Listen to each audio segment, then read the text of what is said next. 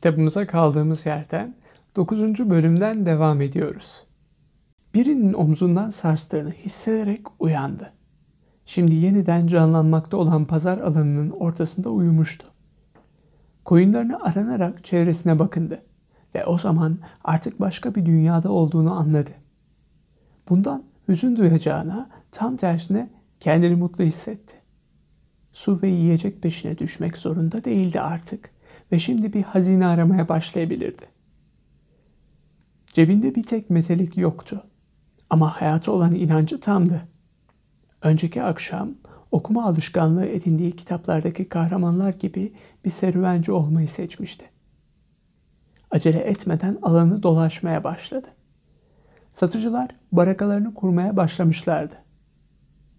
Şekerleme satan birinin barakasını kurmasına yardım etti. Bu adamın yüzünde başkalarınınkine benzemeyen bir gülümseme vardı. Neşe doluydu. Hayata açıktı. Zorlu bir iş gününe başlamaya hazırdı. Gülümsemesi bir bakıma şu yaşlı adamı bir süre önce tanışmış olduğu şu gizemli yaşlı kralı anımsatan bir gülümsemeydi.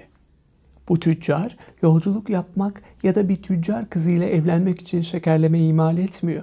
Hayır, bu mesleği sevdiği için şekerleme üretiyor. Diye düşündü delikanlı. Adamın o yaşlı adamın yaptığını yapabileceğini fark etti. Birinin kendi kişisel menkıbesine yakın ya da uzak olduğunu bir bakışta anlamak. Kolay bir şey ama ben henüz bunu anlamaktan uzağım.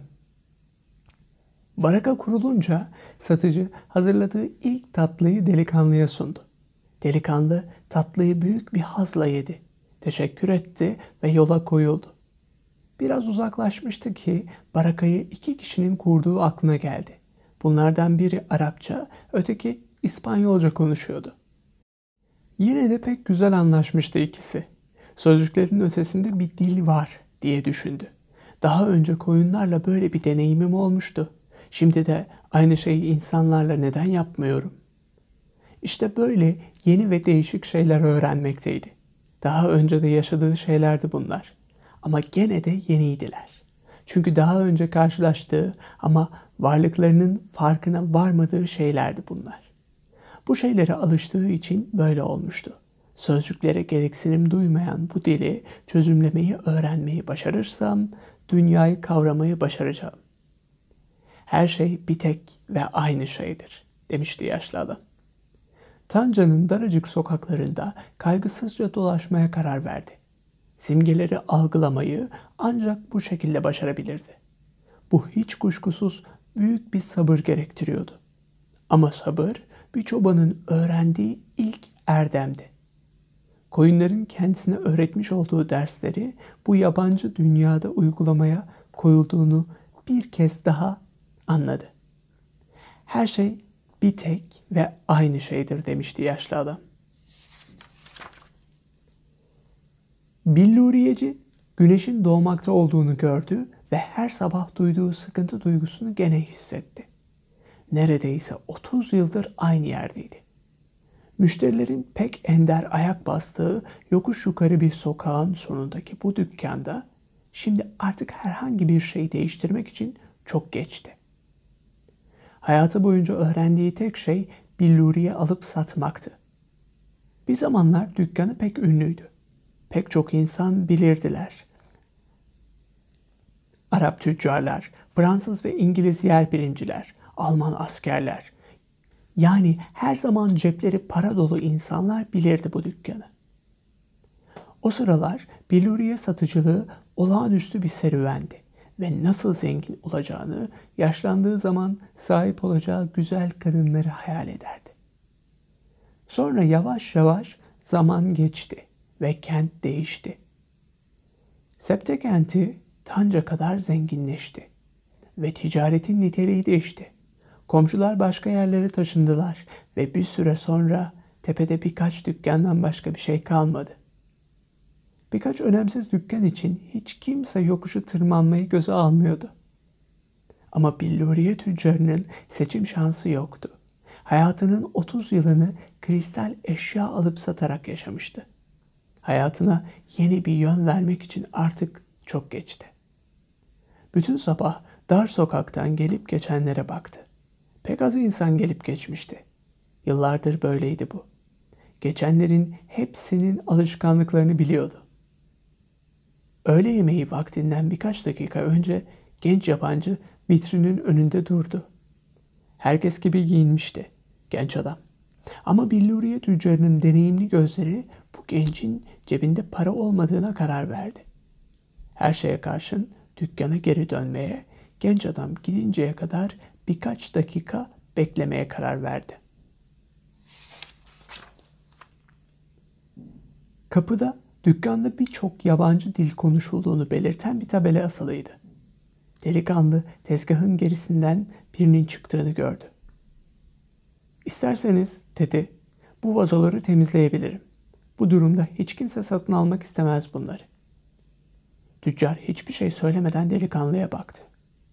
Buna karşılık karnımı doyurmam için bana bir şeyler verebilirsiniz. Tamam mı? Adam konuşmuyordu. Delikanlı kararı kendisinin vermesi gerektiğini anladı. Heybesinde yamcısı vardı. Çölde ona gereksinimi olmayacaktı. Yamcıyı çıkardı ve vazoları silmeye başladı. Yarım saat içinde vitrinde bulunan bütün kristalleri silmişti. Bu süre içinde iki müşteri gelip birçok bülluriye aldı. Her şeyi temizleyince dükkan sahibinden yemek için bir şeyler vermesini istedi. Hadi yemeğe gidelim dedi billuriye tüccarı.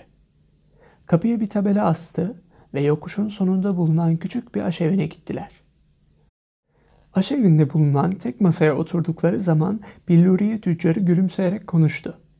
Aslında herhangi bir şey temizlemen gerekmezdi. Kur'an'ın yasası aç insanları doyurmayı buyurur. Peki öyleyse neden benim bunu yapmama izin verdiniz? diye sordu delikanlı.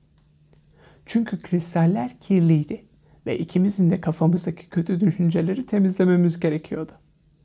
Yemekleri bitince delikanlıya döndü tüccar. Dükkanımda çalışmanı isterdim. Bugün sen kristalleri silerken iki müşteri geldi. Bu iyi işaret. İnsanlar durmadan işaretlerden söz ediyorlar diye düşündü çoban. Ama tam olarak neden söz ettiklerini bilmiyorlar. Tıpkı yıllardır benim koyunlarımla sözcüksüz bir dille konuşmuş olduğumu fark etmemiş olmam gibi. Benimle çalışacak mısın? diye sorusunu yineledi Billüye tüccarı. Günün geri kalan sürecinde çalışabilirim diye yanıtladı delikanlı. Dükkandaki bütün kristalleri sabaha kadar temizlerim. Buna karşılık yarın benim Mısır'a gitmem için gereken parayı ödersiniz. Yaşlı adam birden gülmeye başladı. Dükkandaki kristalleri bütün bir yıl silsen de satılan her şeyden yüklü bir komisyon da alsan Mısır'a gitmek için epeyce borç para bulman gerekir. Tanca ile piramitler arasında binlerce kilometrelik bir çöl var. Bunun üzerine öyle bir sessizlik oldu ki kent birdenbire uyuyakalmış gibiydi. Sanki artık pazar mazar yoktu. Satıcılar arasındaki tartışmalar sona ermiş, minarelere çıkıp şarkı söyleyen insanlar toz olmuş, kabzaları kalkmalı, güzel kılıçlar uçup gitmişti. Umut ve serüven, yaşlı krallar ve kişisel menkıbeler yoktu artık. Ne hazine ne de piramitler vardı. Delikanlının ruhu sessizliğe gömüldüğü için sanki bütün dünya dilsiz kesilmişti. Ne dert, ne acı, ne hayal kırıklığı. Yalnızca küçük aşevinin küçük kapısından geçip giden boş bir bakış ve uçsuz bucaksız ölüm arzusu. Aynı anda her şeyin sonsuza dek bittiğini görmek dileği. Tüccar ona şaşkın şaşkın baktı. Bu sabah çevresinde gördüğü bütün neşe sanki bir anda uçup gitmişti. Ülkene geri dönmen için gereken parayı sana veririm oğlum, dedi billuriye tüccarı. Delikanlı sessiz kaldı. Sonra ayağa kalktı, giysilerini çeki düzen verdi ve heybesini aldı. Sizinle çalışacağım, dedi. Ve uzun bir sessizlikten sonra sözünü bitirmek için ekledi. Birkaç koyun almak için paraya gereksinimim var. Bu bölümün sonuna geldik. Bir sonraki bölümde görüşmek üzere. Geceyim olarak sizler için Şeker Portakalı kitabını da seslendirdik. Dilerseniz bu listeye Şeker Portakalı kitap seslendirmesi adıyla arayarak ulaşabilir ve hemen dinlemeye başlayabilirsiniz.